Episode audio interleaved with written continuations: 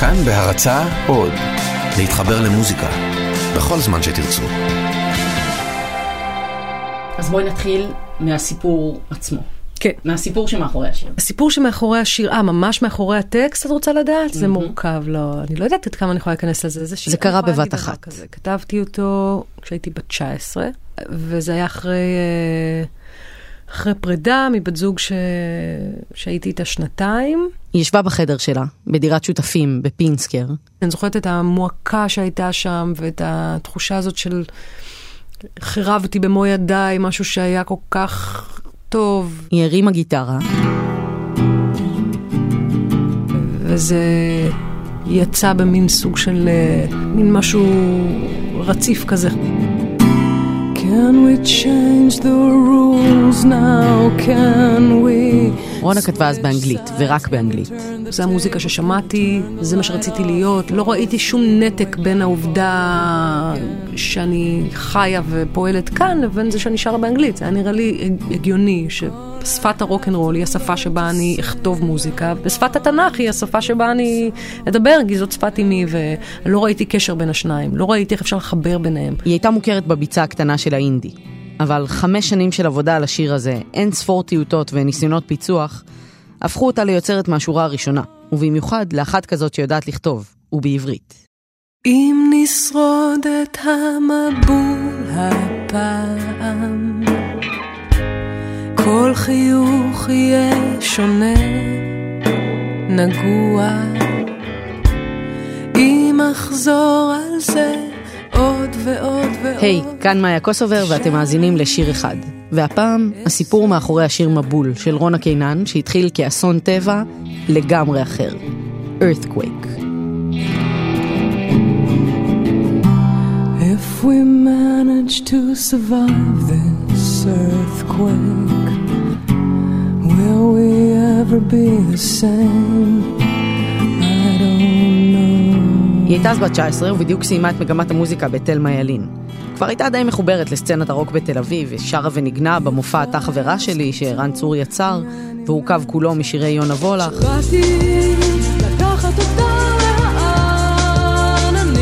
והופיע גם עם טל גורדון. בכל המופעים האלה היא ליוותה אחרים, ואז, ב-99, היא התחילה להופיע עם שירים משלה, שהיו כולם באנגלית. Earthquake היה אחד מהם. זה קרה פעם בחודש, בתיאטרון תמונה, וזה היה מופע לא שגרתי. אדם שפלה ניגן גיטרה עם מברג, היה לו גם אורגן מפוח, פדלים של בס וגלוקנשפיל, שזה מין קסילופון, ועמרי הנגבי ניגן תופים עם מברשות. הם היו טריו קצת אחר, ואנשים התחילו לדבר עליהם. לאחת החזרות שלהם הגיע יזהר אשדות, הוא הכיר את רונה מהבית. אלונה זוגתי, אה, סוג של אימצה אותה. ואז אני זוכר שרונה התחילה להסתובב סביבה, ואלונה אמרה לי נורא מוכשרת, נורא מוכשרת. ואני, מניסיוני בדברים האלה, אני נורא נזהר. פעם הראשונה ששמעתי את רונה עם הלהקה, הם ניגנו בתוך קיר.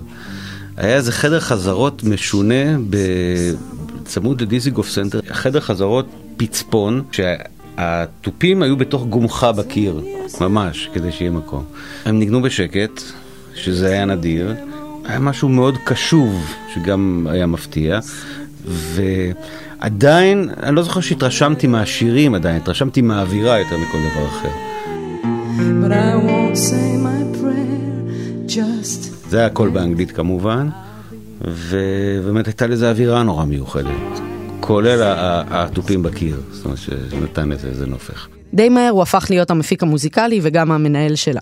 הם התחילו לעבוד יחד על שירים, ואחד מהם היה Earthquake. השמעתי לו את השיר הזה, והוא אמר, אה, זה יפה, יש פה פוטנציאל, אבל יש תחושה שהפזמון הוא קצת אה, חסכני, ולאו דווקא במובן הטוב. So come to me, oh just this one. יש כאן עוד איזה משהו שרוצה להתגלות ולגדול ולהיחשף. וכיוון שהוא הבין כבר עם מי, עם מי יש לו עסק בשלב הזה, הוא אמר, תלכי נגד כל האינסטינקטים שלך ותכתבי פזמון גדול, רגשי. בוא נגיד שהוא ההפך מה understatement שליבי נטה אליו. יצאתי ככה טריה מתלמה ילין ולא רציתי לחטוא ברגשנות. זה קשה להגיד לבן אדם את זה, כי, כי הוא קשה לו לקבל את זה, כי מבחינתו השיר סגור.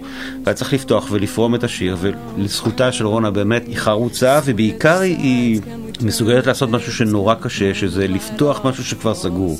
ולעשות אותו מחדש, או לתקן אותו, שזה נורא נורא קשה, מנטלי. ובזה שהוא אמר לי, תתייחסי לזה כאל, כאל תרגיל, זאת אומרת, תזנחי רגע את המניפסט האסתטי שלך ותלכי רגע לעשות משהו שהוא אה, לשם השעשוע. אז לקחתי את זה, וחוץ מזה שאני אוהבת משימות, זאת אומרת, אני, זה, אני אוהבת שאנשים מפעילים אותי, אז הלכתי ואמרתי, אוקיי, יש לי פה את ה... דו דו דו דו סך הכל שלושה אקורדים. אז ללכת גדול יותר, אז בואו נתחיל מיותר אקורדים. אמרתי, אוקיי, אני פשוט אתחיל להתגלגל עם ההרמוניה עד לאן שהיא לוקחת אותי.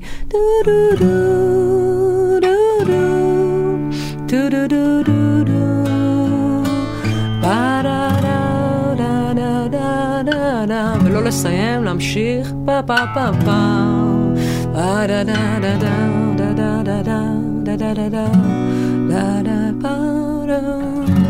הרבה יותר, כמובן, אה, אה, רחב וארוך, ומין מהלך הרמוני שמתפתל, ונותן לכל אקורד לגלגל אותו אל האקורד הבא, ולהרשות לעצמי לא לשים את הנקודה עדיין. ואז בגרסה האנגלית שלו הוא הלך... But today is fine for me if I meet you by accident in a street. Corner with a smile, and I'll hold you for a while until you have to run again. I'll take the risk, I can take the risk. כשהפזמון הזה הגיע, אז היה ברור לי שזה זה. כי כשזה זה, זה זה, אין, אין, לי לפחות, זה ברור, זה בהיר. היה פזמון חדש, ועכשיו יזהר אמר שצריכים להתחיל לחתוך, לקצר. הגרסה הראשונה של Earthquake נחתמה במין שיר ילדים סקוטי אפל מאוד. שקראתי באיזשהו ספר שאחותי החזיקה, אני חושבת שזה היה ספר שעסק בהתאבדות, שירים שנגיד מהווים השראה כאילו ל... את יודעת, יש כל מיני סיפורים כאלה מעניינים, אה, כמו גלומי סנדיי, שירים שכאילו אנשים אה, אה, הקשיבו להם לפני שהתאבדו, שזה די אפל וקטסטרופלי, אבל היה דבר כזה, והצמדתי את זה לסוף של השיר, וזה היה מין סאגה כזאת נורא נורא ארוכה. There was a man of double deed, sowed his garden full of seed, and when the seed began to grow, it was like a garden full of snow, and when the snow began to melt, it was like a ship without a belt, and when the ship began to sail, it was like a bird without a tail, and when the bird began to fly, it was like an eagle in the sky, and when the sky began to roar, it was like a lion at my door, and when my door began to crack, it was like a stick across my back, and when my back began to smart, it was like a penknife in my heart. And when my heart began to bleed, it was like death and death and death indeed. Like death indeed. אז כל הקטע המורבידי הזה פשוט נחתך החוצה. ונשארו עוד כמה קיצורים קטנים. ואז אמרנו, בוא נתחיל להוריד תיבות. זאת אומרת, לא אמרנו, יזהר אמר, כל מקום שהיה איזו תחושה של עודף. If we manage to survive this earthquake Will we ever be the same? עכשיו במקור, I don't know. one, two, three, four. ושיזהר שמע את זה, אמר, למה לא נחתוך שם ונגיע יותר מהר? If we manage to survive this earthquake, and will we ever be the same? I don't know. If I ask you to, כן, להגיע לתחילת המשפט הבא. מהר יותר, לקצץ את התיבה הזאת. כל הזמן הייתה איזו שאיפה לצמצם ולצמצם עד שמגיעים לגרעין של השיר. היה לך קשה לחתוך את הדברים האלה החוצה? מאוד, מאוד. זה, זה היה ממש חיתוך בבשר החי. וכל דבר כזה היה כרוך באיזשהו משא ומתן. וכמו בכל משא ומתן, יזהר שמר את העניין המהותי ביותר לסוף. השיר היה שלם ומקסים ויפה והיה ברור לי מיד שזה שיר מוביל באלבום שבדרך, אבל הוא באנגלית. הוא צריך להיות בעברית. וכמובן האנגלית של רונה נפלאה והיא מתבטאת בנהדר, והיא כותבת מאוד אישי. אבל הרגשתי כל הזמן, שאומנם זה מאוד אישי ומאוד קרוב, אבל זה משהו מתעתע ומרמה קצת, כי יש כל הזמן איזה מסך דק וכמעט שקוף שמפריד בינה לבין המאזין, בגלל האנגלית, ושהיא מנצלת באיזשהו מקום, במודע או לא, את האנגלית כדי אה, להימנע מאינטימיות יתר. ואולי אחד הקשיים של רונה במעבר הזה לעברית היה קשור גם לעובדה שאבא שלה היה איש כותב. הסופר עמוס קינן. עברית זה שפה ש, שאתה כותב בה עם מחויבות הרבה יותר גבוהה לשפה. אה, ולניקיון של השפה. ובטח רונה עם המורשת המשפחתית שלה לא יכולה להרשות לעצמה. אני מניחה שיש לזה איזשהו קשר סמוי, אבל הוא באמת אה, סמוי ממני. אני לא, אני לא הרגשתי שזו הסיבה. אמנם אבא שלי היה גם פזמונאי באיזשהו רגע, אבל גם בתודעה שלי לא, לא זה מה ש... או זה לא מה שאפיין אותו. וזה היה יותר פובליציסט, סופר, צייר ופסל יותר משהו פזמונאי. אה, ועובדה שהלכתי למוזיקה והלכתי לגיטרה חשמלית והלכתי לאיזשהו מקום שאף אחד במשפחה שלי לא, לא באמת אה, ישב בו, אז, אז אני קצת שחררתי את עצמי מהעול הזה, אני חושבת, בשלב יחסית מוקדם. אבל אין לדעת, יכול להיות שגם זה ישב שם איפשהו. ויזהר גם אמר לרונה שאם היא רוצה לפעול בארץ, זה פשוט לא יעבוד, השיר לא יצליח. במובן המסחרי זה היה ברור שהשיר אה, ייכשל, אבל זה לא רק זה, זה לא רק זה שתפסידי את השיר ותקברי אותו, אה, אלא יש איזשהו מסך, כי זה תרגום של חוויה, חוויה קרתה בעברית. ונלחמתי ונלחמתי, ואת יודעת, רקעתי ברגליים, וחרקתי שיניים, ולא הייתי מוכנה. אבל בסוף רונה נכנעה והסכימה לנסות. היא התחילה לכתוב בעברית, וזה לא היה פשוט. באותה תקופה Earthquake היה אחד השירים היחידים ברוק הישראלי שנכתבו על אהבה שבין אישה לאישה. אבל כשרונה שרה אותו באנגלית זה היה שקוף, אף אחד לא ידע את זה. המעבר לעברית חייב גם מעבר ללשון נקבה. כמובן שזה גם היה קושי בלעבור, בכלל לעשות את המעבר מאנגלית לעברית. לא במובן הזה שלא הייתי מחוץ לארון, אלא פשוט אה, אה, לא היו כל כך תקדימים. זה ישב נורא מוזר על הלשון, זה היה נורא מביך אה, להגיד את זה. את, ואני אוהבת אותך, או לא, ש, לא, שאני, לא שיש לי שורה כזאת בשיר, אבל אני אוהבת אותך. אבל זה כאילו עצם הרעיון, נגיד, אה, בחיוך פרוע עוד אבוא לגבות חובות, ולהעיר אותך, אותך. אה, אז, אז המבוכה הזאת הייתה דבר שהיה קשה להתגבר על, עליו. אז יזהר הציע לגייס עוד אנשים למשימה. הראשון שרונה פנתה אליו היה יאלי סובול, הסולן של מוניקה סקס. אז אני זוכרת שאני יושבת עם, עם, אה, עם יאלי. כן, אני זוכר שישבנו אצלי בבית, במרכז בעלי מלאכה. זה היה שיר שמאוד מאוד אהבתי, אז מאוד חששתי מהתרגום שלו דווקא. לא הייתי בטוח שאפשר לתרגם אותו. גם באנגלית, הוא היה השיר הכי חשוב של רונה באותה תקופה. הכי חזק בהופעות, והיה לו קהל מעריצים אדוק לשיר הזה כבר באנגלית. אז כאילו, זה היה קצת אה, מעורר חשש לגעת בו. מה שאני זוכר, זה שלי הייתה נטייה לנסות להיצמד כמה שיותר למשמעות המקורית. ורונה באופן מפתיע זה אמור להיות הפוך, כי דווקא היא אמורה להיות קשורה לשיר ואני זה שבא מבחוץ, אבל דווקא רונה באופן מפתיע הייתה הרבה יותר פתוחה ממני לנסות כל מיני דברים ולשנות ולקחת את השיר למקומות אחרים מבחינה טקסטואלית. למשל, אני חושב שבפזמון אני הצעתי משהו כמו אה, והיום יהיה יפה אם יהיה לנו רגע בפינה של רחוב הומה בלב רעש מהמם. בפינה של רחוב הומה בלב רעש מהמם אני עוד מהמרת בעיניים עצומות על הלב הזה. משהו כזה. נגיד פה אני מזהה הרבה דברים מיאלי.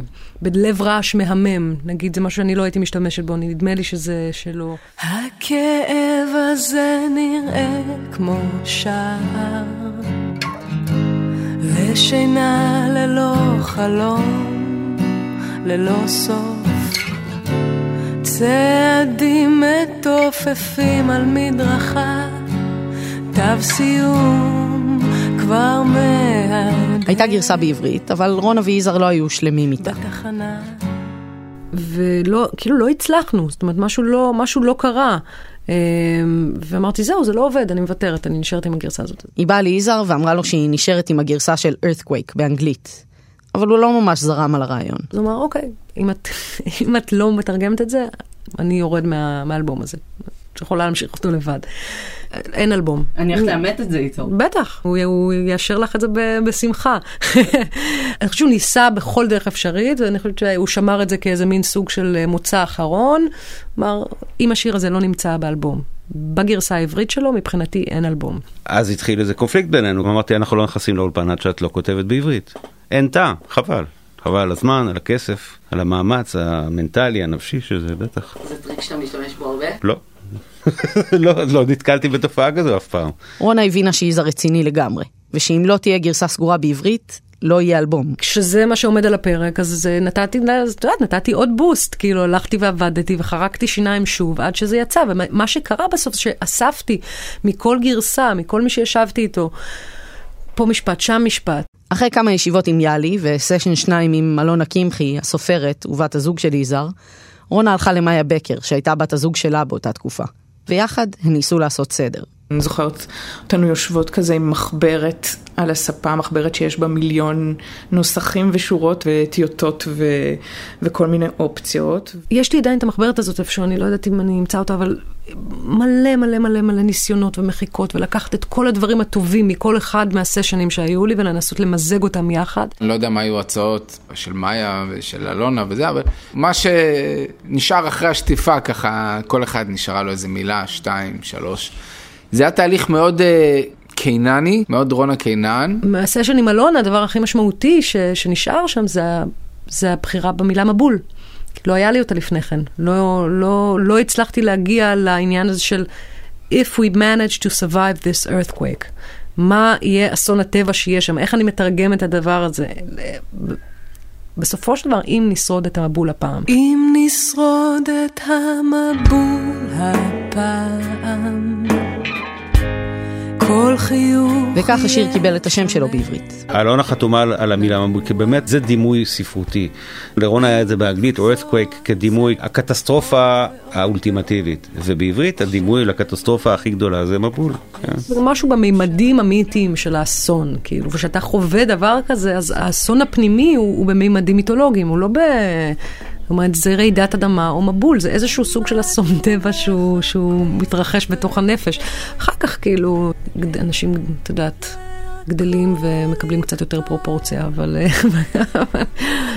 א', בגיל מסוים אין פרופורציה, וב', באהבות מסוימות אין פרופורציה, אולי זה לא כל כך תלוי גיל, אני לא יודעת. לעצור בפינת רחוב, לחבק ולעזור. כאילו שאפשר בכלל לדעת להרפות, לאהוב פחות. אלבום הסולו הראשון של רונה, לנשום בספירה לאחור, יצא במאי 2004, אחרי עבודה של בערך חמש שנים. האופן שבו עבדנו על, על השיר הזה, זה היה מכונן עבורי, כי לקחתי מזה, זה היה השרטוט או התרשים, או הנחת העבודה של איך, איך אני אעבוד מכאן והלאה.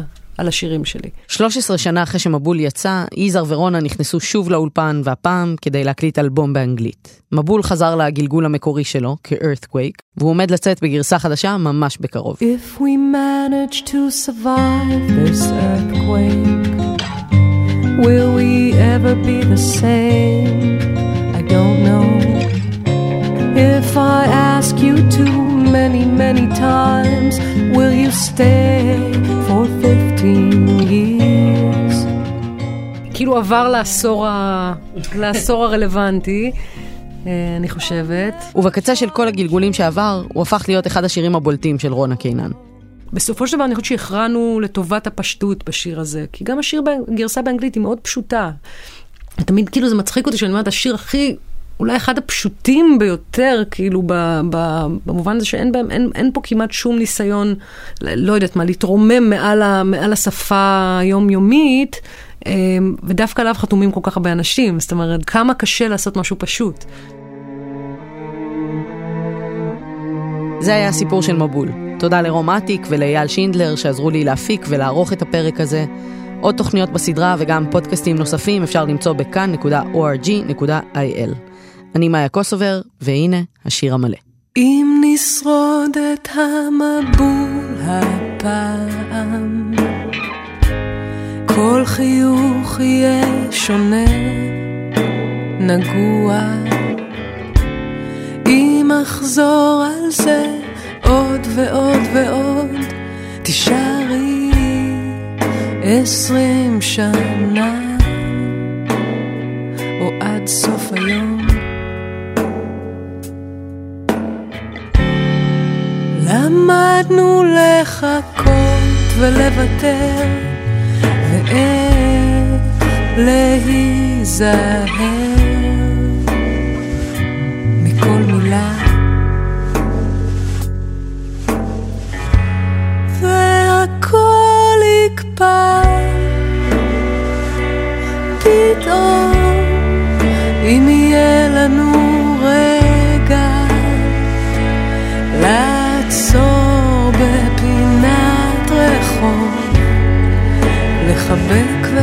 ולעזור, כאילו שאפשר בכלל לדעת להרפות, לאהוב פחות.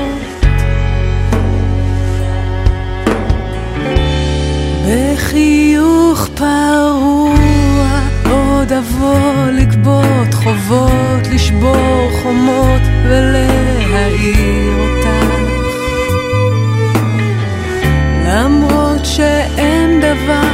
שלם יותר מהכאב שמתנגן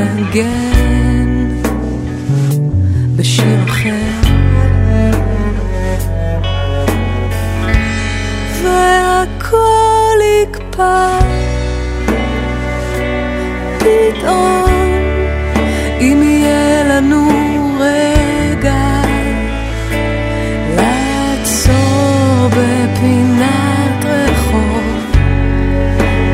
לחבק ולעזור כאילו שאפשר בכלל לדעת להרפות לאהוב פחות